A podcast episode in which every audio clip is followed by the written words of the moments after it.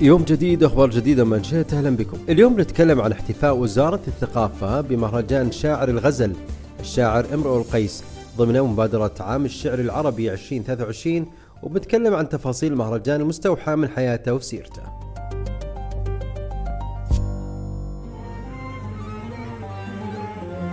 قفا نبكي من ذكرى حبيب ومنزلي بسقط اللوى بين الدخول فحوملي موعودين في شهر أكتوبر بمهرجان شعري فريد من نوعه يمتد لتسعة أيام متتالية ضمن مبادرة عام الشعر العربي 2023 واللي تنظمها وزارة الثقافة للاحتفاء برموز الشعر العربي وتعريف الجمهور بهم. المهرجان يقدم رحلة ثقافية تمنح الزوار تجربة فريدة من نوعها يعيشون خلالها فعاليات مستوحاة من حياة الشاعر إمرؤ القيس وأبرز الشعراء المعاصرين له. تستعرض أيضا المعلقات السبع وتحيي ضمنه قصائد امرؤ القيس بقالب إبداعي جديد ومختلف. وبيحتوي المهرجان على ركن مخصص للتوثيق البصري ومن خلاله بيتم التركيز على الشعراء وأشعارهم والمحيط اللي عاشوا فيه عبر مواد مرئية تحاكي تلك الفترة وبيكون في المهرجان منطقة اسمها السوق مكونة من أركان متنوعة تضم الحرف والصناعات اليدوية وأبرزها حرفة الخوص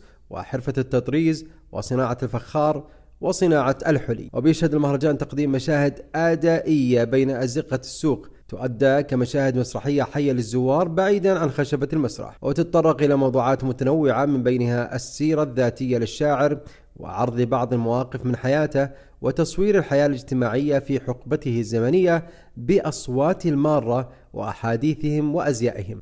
أما عن الموسيقى فالمهرجان يتضمن عروض موسيقية حية متنوعة تقدمها فرق سعودية. يعتمد عزف أغلبها على الآلات الموسيقية الشعبية. وعلى مسرح الشاعر بيكون في أمسيات شعرية مع نخبة من الشعراء لإيصال مضامين الشعر العربي القديم وتحديدا قصائد إمرؤ القيس. بيكون في مسابقة شعرية للجمهور لمجاراة قصائد الشاعر والفائز هو من يتقن الوزن ويجيد المعنى. وكذلك يضم المهرجان العديد من الورش والندوات اللي تتطرق لمواضيع متنوعة مثل آليات الاستثمار الثقافي والإبداعي في الشعر العربي القديم. أما الورش فأبرزها وأهمها ورشة إلقاء الشعر التي يقدمها أحد خبراء هذا المجال وورشة ثانية متخصصة في كتابة القصائد. يحلل المشاركين من خلالها قصيدة من قصائد شاعر المهرجان ويكتشفوا أسلوب كتابته وبعدها بيكتبون قصائد تحاكي أسلوبه. والفنانين التشكيليين كذلك لهم نصيب في المهرجان من خلال ورشة اسمها الشاعر في عيون الرسامين. بيقدم من خلال الرسامين لوحات فنية ثنائية الموضوع يحاول قسم منها أنه يجسد رسم ذاتي للشاعر وأما الثاني يصور رسم موقع الوقوف على الأطلال بحسب ما وصفه الشاعر. ويكون في منطقة مخصصة للأطفال تقدم مجموعة من الفعاليات الثقافية مثل قصص مبسطة مستوحاة من حياة امرؤ القيس وشعره والجدارية التفاعلية والتلوين اللي بيرسمون من خلالها لوحة بورتريه لامرؤ القيس ويلونونها. ثم بيعلقونها على الجدارية التفاعلية وغيرها الكثير من الأنشطة التفاعلية لتحفيز الزوار على المشاركة.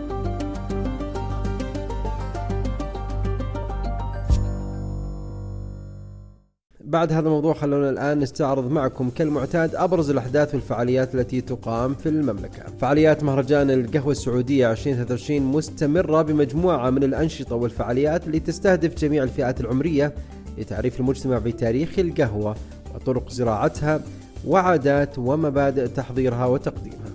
في جدة يتغنى فنان العرب محمد عبدو بألحان عمر كدرس ودكتور عبد الرب إدريس في ليلة طربية استثنائية ضمن الأمسية الأولى لمهرجان لحن المملكة. إلى هنا وصلنا لختام منشيت لهذا اليوم وعدنا نتجدد معكم غدا بإذن الله. مع السلامة.